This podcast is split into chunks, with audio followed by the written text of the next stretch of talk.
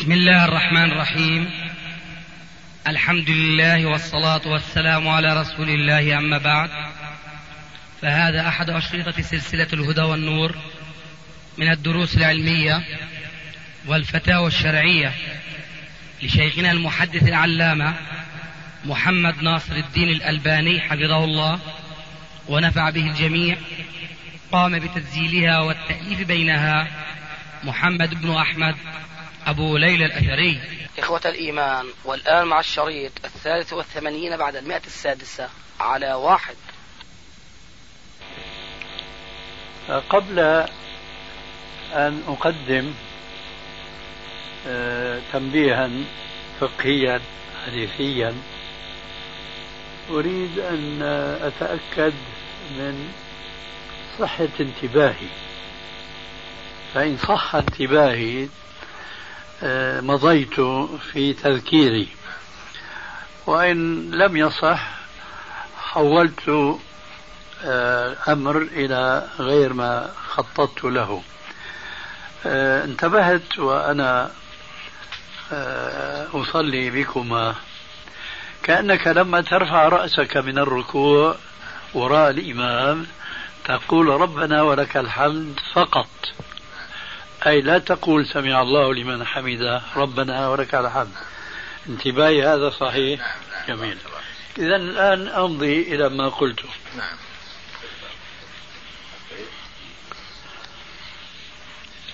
ف من المعلوم لدى جميع المصلين من طلبة العلم أمثالنا جميعا أن النبي صلى الله عليه وآله وسلم كان إذا آه، رفع رأسه من الركوع قال سمع الله لمن حمده. فإذا استقام أو استقر قائما قال ربنا ولك الحمد. وهذا يعني كما يقول بعض الفقهاء أن هناك وردين. ورد الانتقال من الركوع إلى القيام وورد القيام. وورد القيام. ورد الانتقال من الركوع إلى القيام. فها أنا راكع فحينما أريد أن أرفع رأسي من الركوع لا أقول ربنا ولك الحمد ولا أيضا أقول هكذا ربنا ولك الحمد وإنما أقول سمع الله لمن حمده ربنا ولك الحمد. هذا واضح ومعروف ومتفق عليه فيما أعلم بين العلماء فيما يتعلق بالإمام والمنفرد. وهناك خلاف فيما يتعلق بالمقتدي. هل يقول المقتدي سمع الله لمن حمده أو لا يقول قولان؟ القول المعروف عند الحنفية وأمثالهم أن المقتدي لا يقول سمع الله لمن حمده. خلافا للشافعية فهو يجمع بينهما. والذي نراه والله أعلم أن قول الشافعية في هذه المسألة أصح. لسببين اثنين. السبب الأول أن السنة كما ذكرنا آنفا عن النبي صلى الله عليه وسلم أن هناك وردين. ورد الانتقال من الركوع إلى القيام وورد القيام. والسبب الثاني أن النبي صلى الله عليه وآله وسلم قال كما هو معلوم لدى الجميع صلوا كما رأيتموني أصلي فإذا نحن ينبغي أن نصلي مثل صلاته آه، سواء كنا إماما أو مقتديا أو منفردا. ولا ينافي هذا وذاك الحديث المعروف في الصحيح فإذا قال الإمام سمع الله لمن حمده فقولوا ربنا ولك الحمد. لا ينافي هذا الحديث ما سبق بيانه من السنة الفعلية والسنة القولية. صلوا كما رأيتموني أصلي. ذلك لأن هذا الحديث كل ما فيه من الدلالة التي لا آه، مناص منها ولا بد من الاستسلام لها أن قول المقتدي إنما يقول ربنا ولك الحمد يقينا يقول ذلك بعد أن يقول الإمام سمع الله لمن حمده. هذا كل ما ينص عليه هذا الحديث. وهو حين ذاك حديث آخر وهذا يجرنا إلى المسألة الأخرى التي أشرت إليها أنني إذا لم لم أكن مصيبا في انتباهي للمسألة الأولى فسأنتقل إلى الأخرى. ولا جاءت مناسبة الأخرى. هناك حديث صحيح أيضا. وإذا قال الإمام ولا الضالين فقولوا آمين. هذا أيضا يعني أن المقتدي لا يقول آمين إلا بعد فراغ الإمام من ولا الضالين. إيه لكن هذا لا يعني أن المقتدي لا يقول آمين. لقوله عليه السلام في الحديث الصحيح إذا أمن الإمام فأمنوا فإنه من وافق تأمينه تأمين الملائكة غفر له ما تقدم من ذنبه. حينئذ كما هو المعلوم من علم الأصول أنه دائما يؤخذ من النصوص الزايد فالزايد. فقول عليه السلام في الحديث الأول في المسألة الأخرى وإذا قال الإمام ولا الضالين فقولوا آمين نضم إليها. وإذا قال الإمام للضالين آمين فقولوا أنتم آمين. لأننا ضممنا الزيادة التي وردت في الحديث الآخر الصحيح إلى الحديث الأول فنخرج بالنتيجة التالية وهي وإذا قال الإمام غير المغضوب عليهم ولا الضالين آمين فقولوا آمين. وحينئذ فمن الخطأ الشائع في البلاد الإسلامية كلها في حدود اطلاعه وعلمه أن المقتدين جميعهم يسبقون الإمام بآمين وأنا قد لاحظت ولا مؤاخذة وهي الذكرى أنني لا أكاد أنتهي من ولا الضالين إلا ومن خلفي يسبقني بآمين. فأكون أنا مقتديا به بدل أن يكون هو مقتديا به. فانقلب مبدأ إنما جعل الإمام ليؤتم به. هذه ذكرى والذكرى تنفع المؤمنين. هذا أولا. وأنت خير من ينقل هذا إلى من خلفه. فليبلغ الشاهد الغائب. لأنني كلما حضرت أو سافرت أو صليت في مسجد لا بد من أن أرى هذه مخالفة. لا بد في المسجد الحرام في المسجد النبوي في مساجد الدنيا كلها حسب ما أنا صليت وحسب ما بلغني هذه المخالفة ماشية. ولذلك فأنت خير من يبلغ وخير من يطبق ويكون قد سن للناس سنة حسنة. ذلك ما نبغيه وجزاك الله خيرا. نعمل بذلك بإذن الله تعالى. جزاك الله خير. بالنسبة لقولك قول النبي صلى الله عليه وآله وسلم صلوا كما رأيتموني أصلي. ذكرتم بارك الله فيكم في صفة صلاة النبي صلى الله عليه وآله وسلم أن الإمام إذ لم آه، يجلس جلسة الاستراحة فعل المأموم ألا يتابعه نعم. فهل هذا يعني آه، المقصود بمتابعة النبي صلى الله عليه وآله وسلم أم المقصود بمتابعة الإمام في مسألة سنن الصلاة؟ تعلمون بارك الله فيكم أن من سنن الصلاة رفع اليدين فإن لم يفعلها الإمام يفعلها مثلا المأمون. وجلسة الاستراحة مستحبة من باب السنن ومتابعة فعل النبي صلى الله عليه وسلم. على هذا القول لا يخالف ما تقولونه الآن بالنسبة لتأكيد السنن في الصلاة. ما شعرت بوجه المخالفة التي أنتم تسألون عنه أسأل بارك عنها. نعم. وين المخالفة؟ المخالفة أن مثلا الإمام إذا لم يجلس جلسة الاستراحة. لا هذا فهمته. نعم. لكن فيما يتعلق بالمسألة الأولى. لا المسألة الأولى سلمنا بها وجزاكم الله خيرا. لا، لكن تأكيدك أنا أن عرفت أنك السنة- سلمت. لا عفوا. نعم. نعم. أنا ظننت نعم. أنك تربط هذه بتلك. لا. ما في أي ارتباط. لا لا ما في ارتباط بارك الله فيك. طيب فإذا القاعدة يعني حديث النبي صلى الله عليه وآله وسلم يقول صلوا كما رأيتموني أصلي نعم. فعلى الإمام والمقتدي أن يقتدي بصلاة النبي صلى الله عليه وآله وسلم هذا نعم. مسلم به آه. لكن إذا الإمام أخفق أو أخفى شيء من السنن مثل جلسة الاستراحة آه.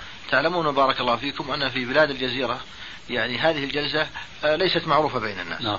وأن أكثر الأئمة المساجد يعني لا لا يفعلونها ما يفعل فإذا اقتدينا بالإمام أخفينا هذه السنة. تمام. فإذا خالفنا الإمام بقولكم معناته أننا خالفنا السنة من وجه آخر. نعم. فماذا تنصحوننا؟ آه. ها. أنا أقول لك الآن.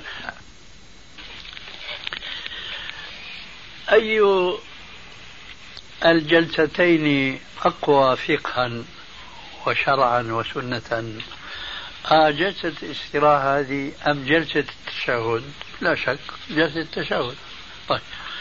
إذا الإمام أخطأ وبدأ إلى أن يجلس جلسة التشهد قام إلى الركعة الثالثة.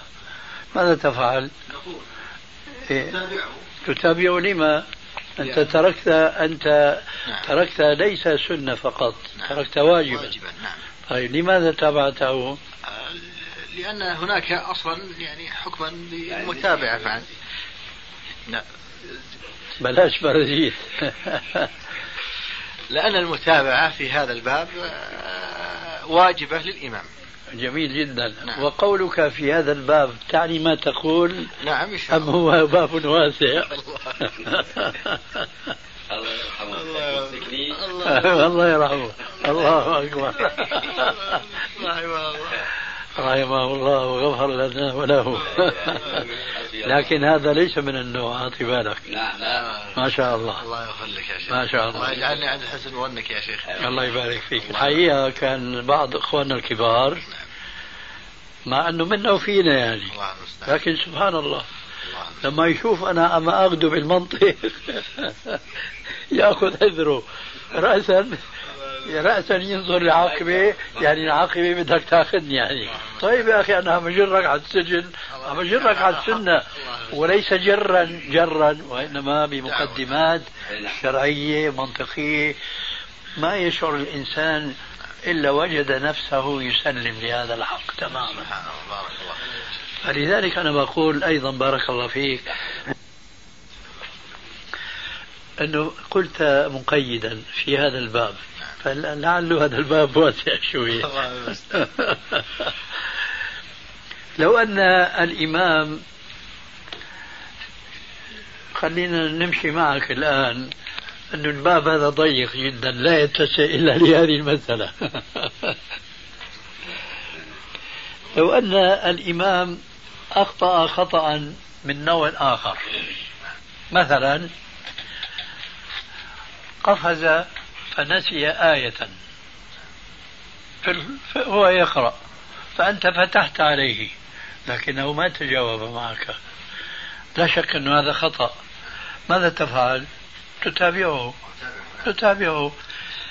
إذا المسائل التي قد يخطئ الإمام فيها لا يمكن حصرها في مسألة.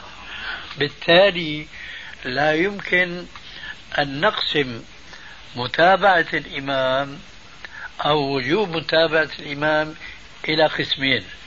قسم يجب متابعته وقسم لا يجب متابعته. راح أجيب الآن أنا الصورة التي وقعت للرسول عليه السلام وأستحضر الآن ثلاث صور منها. صورة يوم صلى العصر ركعتين ويوم صلى الظهر خمس ركعات ويوم صلى المغرب ركعتين. أصحاب الرسول عليه السلام في كل هذه الصور تابعوه وما جمدوا كما يفعل البعض.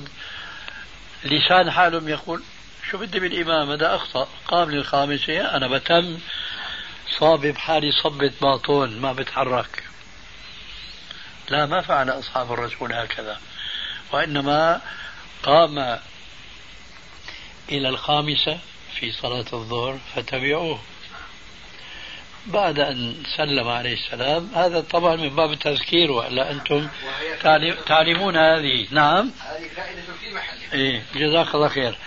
فقال لهم إنما أنا بشر مثلكم أنسى كما تنسون فإذا نسيت فذكروني.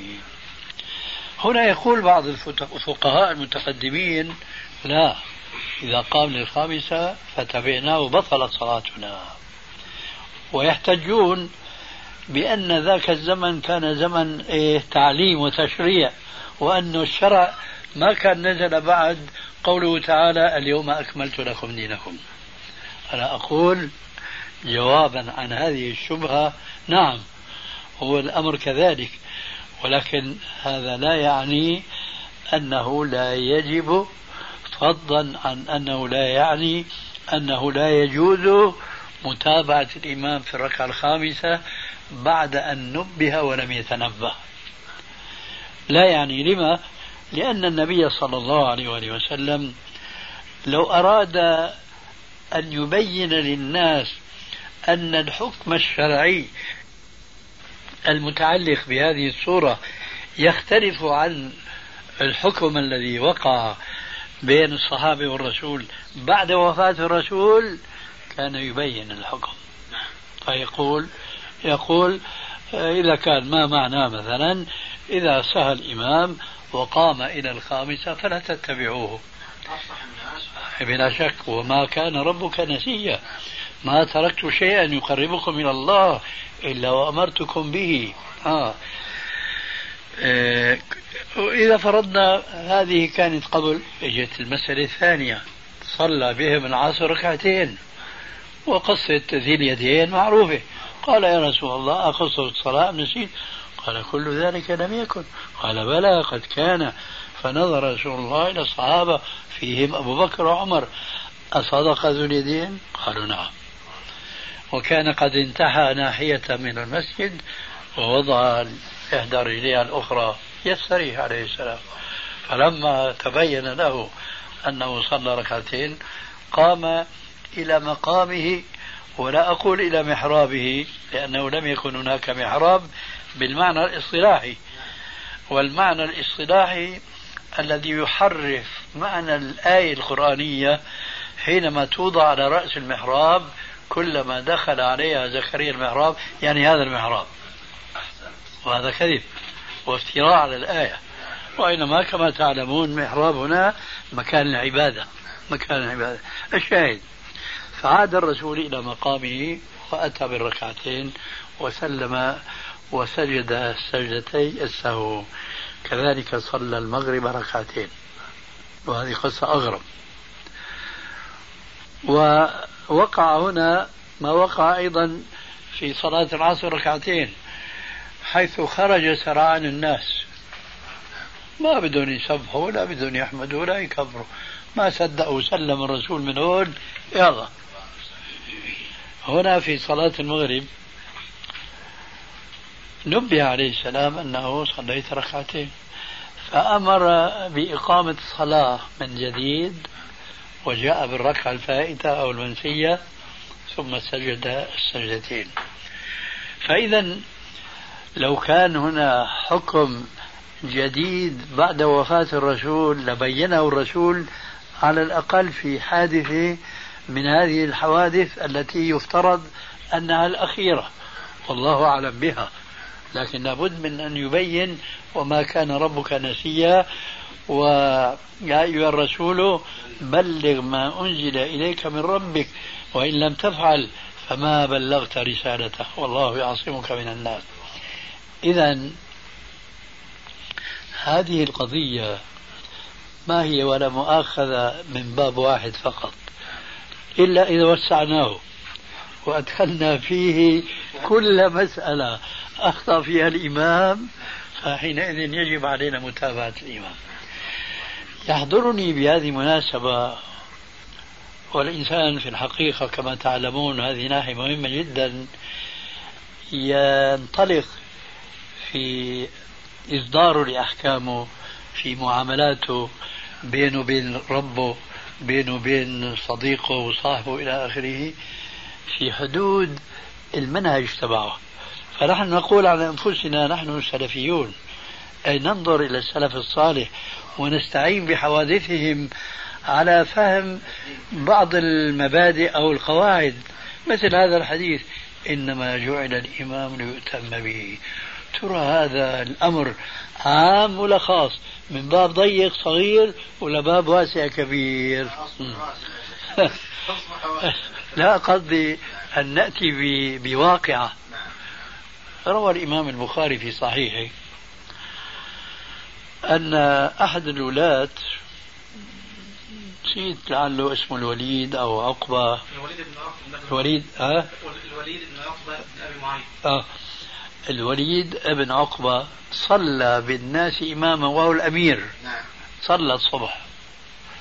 وهو مخمور. صلى الصبح بهم أربع ركعات يا أستاذ. الصبح أربع ركعات. ثم بعد ما سلم قال أزيدكم.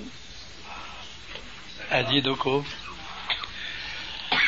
شو المفروض في مثل هذه الحالة؟ في المقتدين خلفه. لابد أنه لما بيقوم بالركعة الثالثة ما يتابعوا الرابعة كمان ما يتابعوا. تابعوا يا سيدي. ليه؟ هذا دليل عملي أنه قول الرسول عليه الصلاة والسلام إنما جعل الإمام ليؤتم به نص عام. نص عام. ثم هذا الحديث نفسه في تمامه فيه تنبيه عظيم جدا أن المتابعة عامة. وهو فإذا ركع فاركعوا وإذا قال سمع الله لمن حمده فقولوا ربنا ولك الحمد وإذا سجد فاسجدوا وإذا صلى قائما فصلوا قياما وإذا صلى جالسا فصلوا جلوسا أجمعين. هنا في إسقاط ركن من أركان الصلاة. من أجل ماذا؟ متابعة. متابعة. هنا يدخل ما يسميه الفقهاء كما هو معلوم بالقياس الأولوي. حين قال تعالى ولا تقل لهما أف من باب أولى لا تضربهما بكف. قياس أولوي.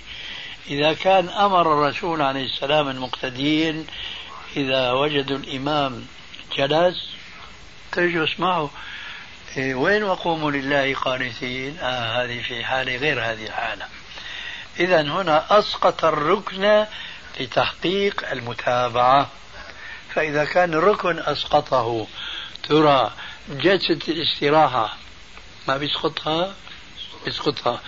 هنا بقى يجرنا هذا الحديث إلى شيء من التفصيل الذي يقتضيه الإجمال السابق. فأقول وقبل أن أقول أذكر بأن هذا الحديث إنما جعل الإمام ليتم به جاء بلفظ صحيح أبلغ في الدلالة قال إنما جعل الإمام ليتم به فلا تختلفوا عليه. لا تختلفوا عليه. فالإمام ما بيرفع إيديه. أنا برفع إيدي؟ هذا اختلاف عليه. الإمام لا يجلس جلسة استراحة. أنا أجلس أتأخر عنه. وهكذا على ذلك فقس الإمام يضع يديه هنا. أنا مذهبي هنا. وأعكس فأقول الإمام الحنفي يضع هنا. أنا بدي تابعه. إلى آخره. هذه القاعدة. لكن قلت سأقول شيئا يبين ما أجملته سابقا. فأقول الأصل هكذا. أنا دخلت مسجدا ولا أعرف إمامه لكني تبين لي إما في تلك اللحظة أو من قبل أنه يخالف السنة التي يدين الله بها. مثلا كما كان البحث لا يجلس جلسة الاستراحة لكني أعلم أن هذا الإمام أحد رجلين إمام فاضل ومحب للسنة لكن هو ما اقتنع. كغالب الحنابلة عندكم. شايف؟ ما اقتنع أنه هي سنة سنة صلاة. وإنما كما قال ابن القيم رحمه الله في زاد المعاد أنه هذا للسن. السن. الرسول عليه السلام آه، بدن. نعم. لذلك كان هو ثقيل وهذا من أسوأ ما يقال. كان ثقيل. مع أن الرسول عليه السلام كان إذا مشى فكأنما ينصب من صبب. آه. فعللوا الاستراحة التي لا مرد لا مجال لردها. عللوها بأن هذه ليست من سنن الصلاة. لكن لما بدن عليه السلام وثقل بدنه لذلك كانوا هكذا يعتمد وينهض. هكذا اقتنع الإمام ابن القيم. ماذا نقول فيه؟ جاهل؟ حاشا لله. لكن هي قناعته الخاصة.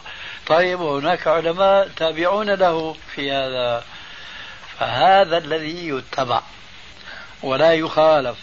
أما رجل متعصب للمذهب بتبين للسنة وتبينت له هذه السنة فيتعصب للمذهب على السنة. مش بيقول والله أنا ما ظهر لي هذا وأنا أرى كما قال ابن القيم وغيره إلى آخره. فهنا إذا الفرق. من علمنا أنه هكذا مقتنع فيتابع ولو كان المتابع يخطئ هذا الفعل من علمنا أنه يتعصب على السنة وضد السنة لا نقيم له وزنا. نخالفه ولا نقيم له وزنا. أنا أتصور إمام من هؤلاء الأئمة الأربعة وهم مختلفون طبعا حتى في الصلاة. طيب. الإمام أبو حنيفة يقف يصلي إماما ويضع يديه تحت السرة. أنا ما بقدر أقول عنه جاهل ولا بقدر أقول عنه متعصب. وأبو يوسف ومحمد بن حسن والإمام زفر وعد ما شئت حتى وصلنا لهذا الزمان فإذا كان رجل عالم ومقتنع بأنه هكذا السنة فنتابعه. أما إذا تبين لنا كما نرى في بعض أئمة المساجد تعصب ضد السنة فهؤلاء لا حرمة لهم لأننا نحن جعلنا حرمة لهم باتباعهم لأئمتهم. آه لكن إذا تبين أنهم يتبعونهم يؤثرون اتباعهم على السنة فلا قيمة لهم. أنا أذكر وأنت تعلم بلا شك أنه أنا قلت في صفة صلاة أنه الوضع بعد القيام هذا بدعة. الوضع بدعة. لكن أذكر مرة صليت وراء آه، ابن باز أو أكثر بس أذكر مرة. فأنا وضعت يدي بعد القيام مع أني نصصت أنه هذا ليس من السنة. لأني نظرت أنه الذي بين يدي مو مثل هؤلاء المقلدة والجهلة والمتعصبة إلى آخره ففعلت مثل فعله. وهكذا أفعل. لكن هؤلاء ندرة في بالك. هؤلاء ندرة لأن أكثر الأئمة جاهلة ومتعصبة وإلى آخره. على هذا إذا نأخذها قاعدة بأننا نحن نتبع الإمام في صلاته ولو كان مخطئا في وجهة نظري لكن يكون معذورا. يكون عندي معذورا في هذا الخطأ. أما أن يكون متعصبا على السنة فلا أقيم له وزنا. هذا بالتجربة بأن بأن يقيم عليه الحجة. أيوة هو هذا بالتجربة. نعم. وإذا كان مثلا مقلدا لأحد الأئمة ماذا نقول في هذا الباب؟ تتبعه احتراما للإمام لأنه هذا معذور هذا. نعم. أنا أعتبر أنه معذور ولا غير معذور؟ وال والعذر والعذر يختلف من شخص إلى آخر نعم. آه. قلت لك آنفا بالنسبة للإمام العالم معذور ضربتك مثلا بأبي حنيفة والتلامذة آه. ثم عكست ذلك ببعض المتعصبة الآن بالنسبة للعامة هؤلاء معذورون أيضا لأننا لا نستطيع أن نقول لهم اجتهدوا وعرفوا السنة والسنة هكذا لأنه أنت مهما كنت عالما في في شهادتك أنت لكن هذا الرجل ما يعرفك. ولذلك هو يكون معذورا في اتباعه لإمامه. المهم أن القضية تدور كما يقال في الأصول آه، الحكم يدور مع العلة وجودا وعدما. فالعلة هنا العذر فقد يكون عذره أنه عالم ما اقتنع بوجهة نظرك. وقد يكون عذره أنه ليس بعالم إنما هو متبع لإمام وما اقتنع بوجهة نظرك. فهذا وذاك يتبع فيه في الصلاة. بخلاف ما ذكرناه آنفا. وهذا أيضا وقف الآن. وإذا كان هو يعرف السنة ولكن لا يقوم في السنة إكراما لزيد من الناس وأحمد من الناس. لا كرامة له. إيه. آه، في مر حديث يعني صحيح كما مسلم. يعني كما روي عن إمام الشافعي أنه جاء صلى إيه،. في مسجد أبي حنيفة فما قنت إكراما له. إكراما له.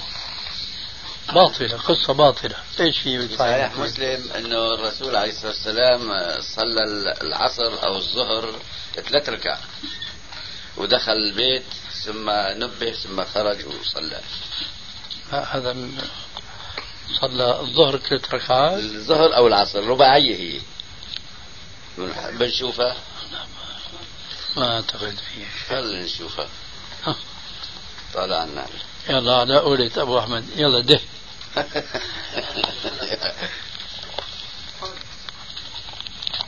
عبد الملك. هذا الشيخ هذا بالنسبة لقنوة الفجر يا شيخ. هذا شيخ. على هذه القاعدة يتابعون. إيه الله أنا أول متابعين. والله يا شيخ نخالفكم نسأل الله أن يغفر لنا. لأن السنة في نظرنا أنها تخفى أمام الناس ولا نستطيع مثلا أن نبينها للناس. فخصوصا فيما يعني هم أهم الأمور وهي الصلاة. لا شك أن الصلاة يعني هامة في هذا الباب. فأسأل الله أن يوفقنا. بارك الله فيك. هلا ببدا بنفسي. يا ترى أنا أكثر صلواتي الفرائض دع النوافل اللي ما فيها جماعة أكثر صلاتي الفرائض إمام ولا مقتدي؟ لا أنا هنا ليس يعني كذلك في- أنا نعم. أنا لما بشوفوني الناس نعم. خليني كمان أحكي بصورة أوسع. نعم. الناس لما بيشوفوني عم أصلي يا ترى أكثر صلواتي بكون أنا فيها إمام ولا غير إمام؟ لا شك غير إمام. غير إمام. اذا هنا مجال واسع نبين السنة. فلا اقنت مثلا. ها. فأنا أقوم والحالة هذه ببيان السنة العملية من جهة والسنة القولية التوجيهية من جهة أخرى. فإذا رآني أنا رجل أصلي دائما وأبدا أضع يدي على الصدر. لكن شافني مرة وأنا مقتدي عامل هيك هذه هذه راح تقضي على يديك؟ لا. ربما تؤلف يعني قلوبهم أو كذا وهذا نتيجة طبيعية بلا شك. وأنا قلت في بعض الأشرطة أنه هذا الحديث وحده من جملة يعني الأسباب الشرعية هذه بتقضي على العصبية المذهبية. وبتألف بين قلوب المؤمنين وبلاش هذا حنفي وبلاش هذا شافعي وهذا سلفي وهذا خلفي والى آخره. كلهم بيصلوا صلاة واحدة. بيأتي حديث آخر يصلون بكم, بكم. فإن أصابوا فلكم ولهم وإن أخطأوا فلكم وعليهم إذا الانطلاق على أساس هذا المنهج هو حكمة بالغة فما تغني النذر أيوة. إذا كان هناك يحضرني يا شيخي أن بعض ال- الأئمة في في أفغانستان طلاب العلم آه. كانوا ينبهون المجاهدين بعدم تحريك الأصبع وبعدم التأمين مثلا وغير ذلك من أجل آه، تأليف قلوب الأفغان فهل يا ترى على ما تفضلتم به من قول أنهم كانوا مصيبين في هذه المسألة؟ والله هذا يختلف من مكان إلى آخر. هو نحو هذا الكلام يقوله ابن تيمية. نعم. ابن تيمية مثلا لا يرى الجهر بالبسملة. نعم. لكن يقول إذا كان الإمام في قوم يرون الجهر بالمسألة سنة أو واجب فيجهر بها. لكن أنا في هذه المسألة أقول شيئا لابد منه وهو أنه الذي يريد أن يساير المقتدين كسياسة شرعية هذا ينبغي أن يمهد ببيانه للناس. ولا راح تنقلب القضية راح يصير هو راح يصير هو المقتدي. لكن لما بيبين الناس تارة وتارة.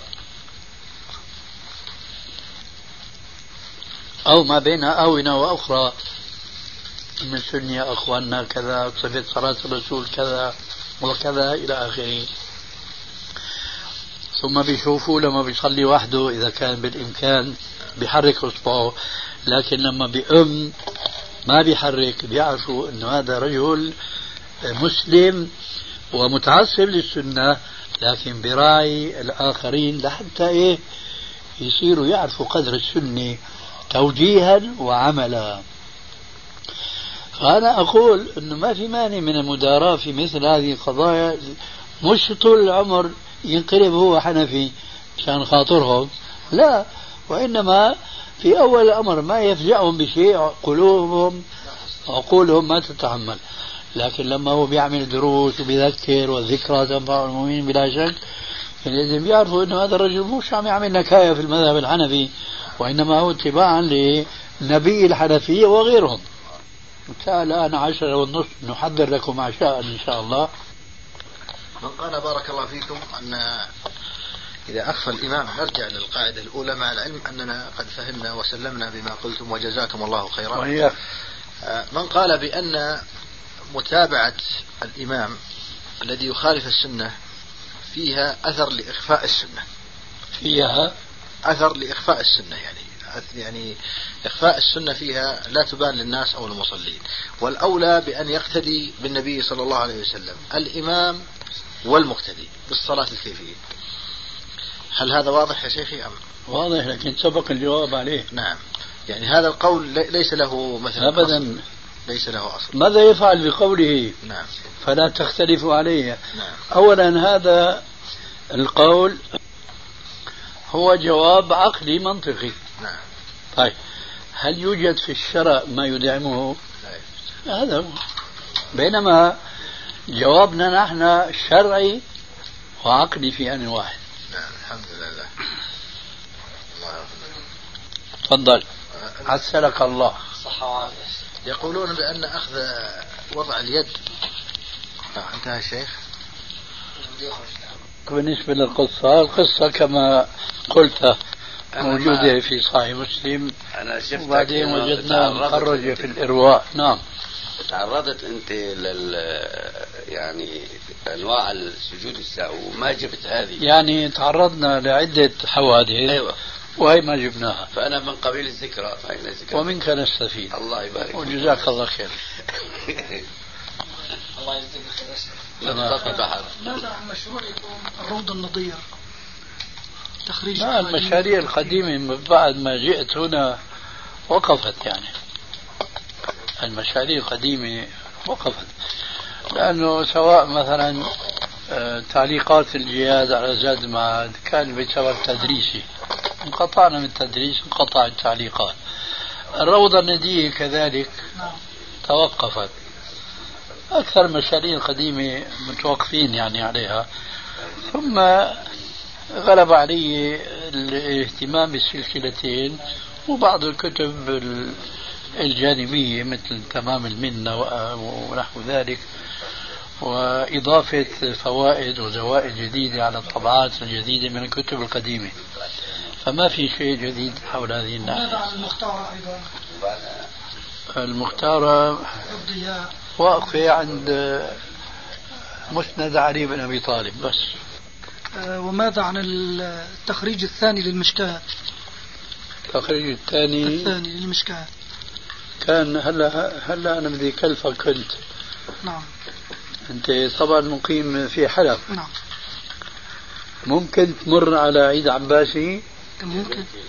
سوف نمر أنا و- لأنه كان أخذ نسختي اللي عليها التخريجات الثاني نعم. عشان ينسخ منها نسخة ويقدم هالمنسوخة هاي للمكتب الإسلامي. نعم.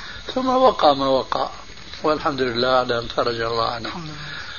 نعم. كنت بعت خبر لزوجته إنه إن عنده عنده نسخة إلى آخره.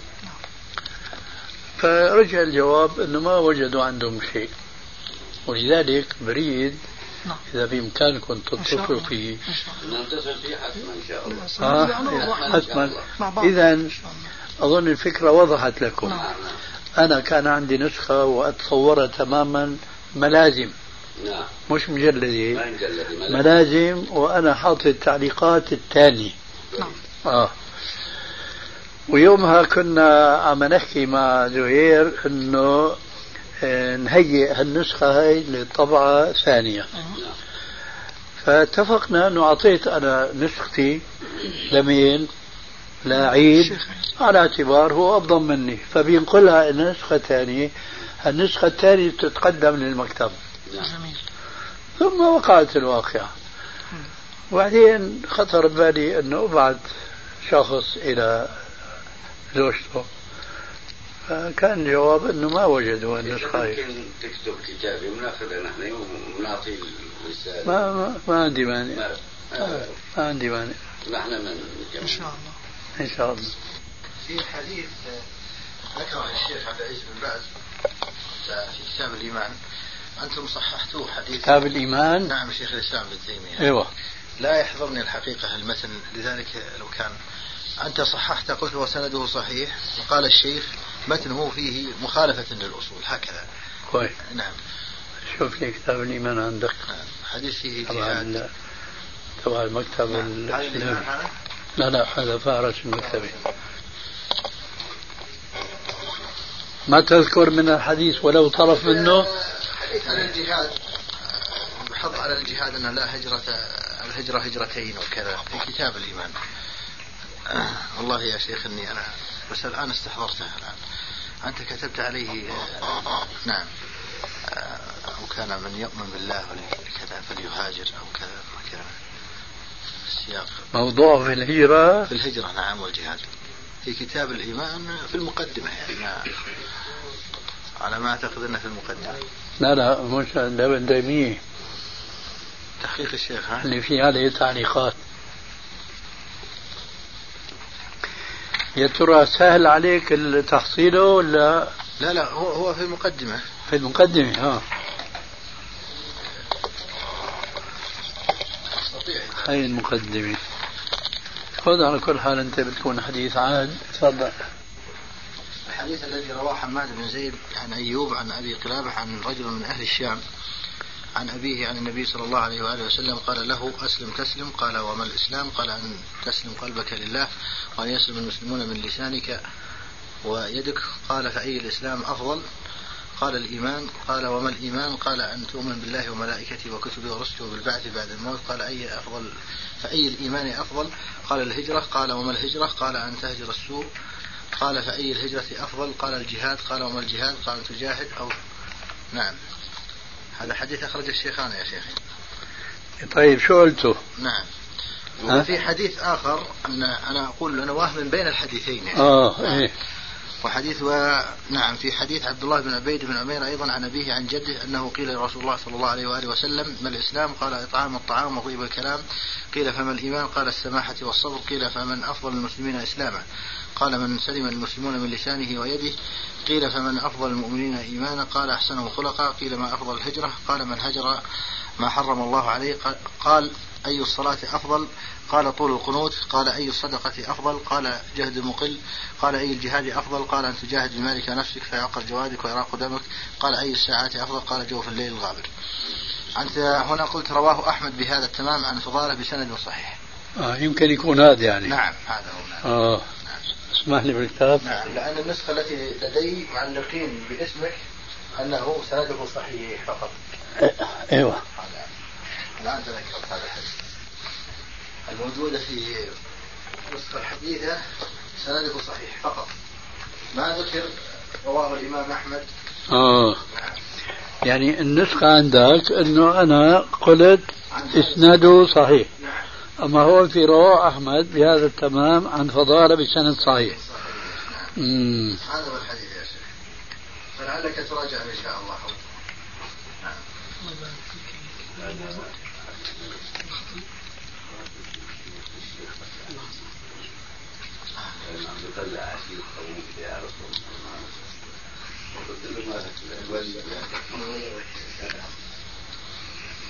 وهذا طبعا رواه أحمد بالنسبة للمجاهد من جاهد نفسه لله.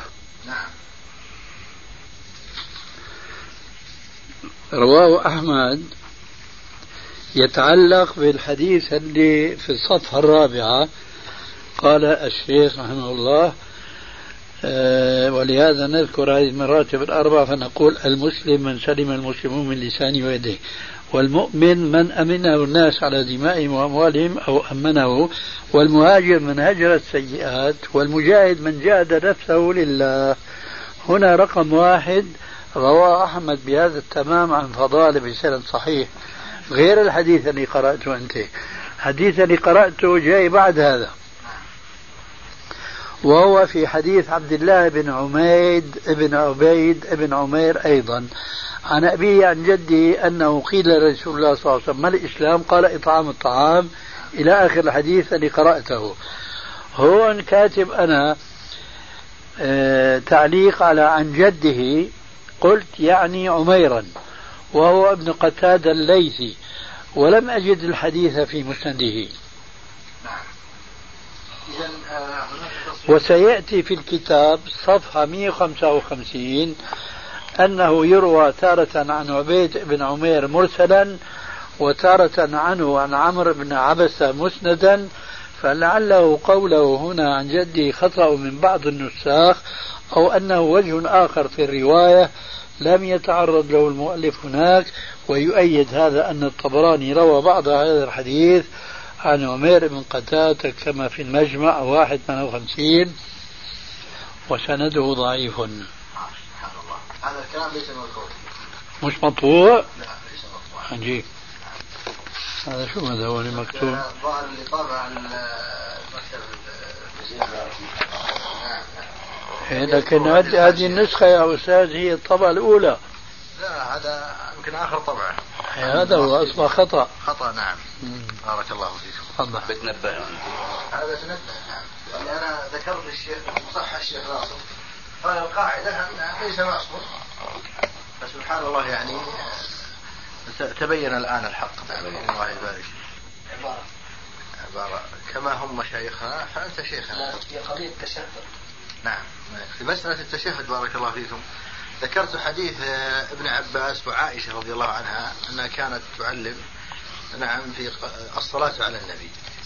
نعم بالكلام السلام على النبي. السلام على نعم. النبي. بالصيغة الغيب. الغيب نعم. نعم. وجهة نظرك بالنسبة للعقيدة يا شيخ ما وضحتها كثيرا؟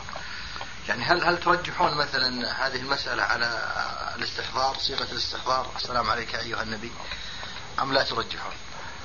أنت ذكرت يعني كلا الروايتين وصححتهم ولم ترجح هذا عن عن السنة. رجحت لا مو هذا السؤال هو نعم. فما هي وجهة سمعت شو قال جارك؟ نعم. سمعت شو قال جارك؟ نعم نعم. إيه أنت عم تدندن حول هذا القول؟ أدندن حول يعني مسألة لا لا لا تحد لا تحد نعم. قل أدندن أو لا. حولها حولها. آه، بارك الله فيك. يعني خلاف يعني حولها. آه.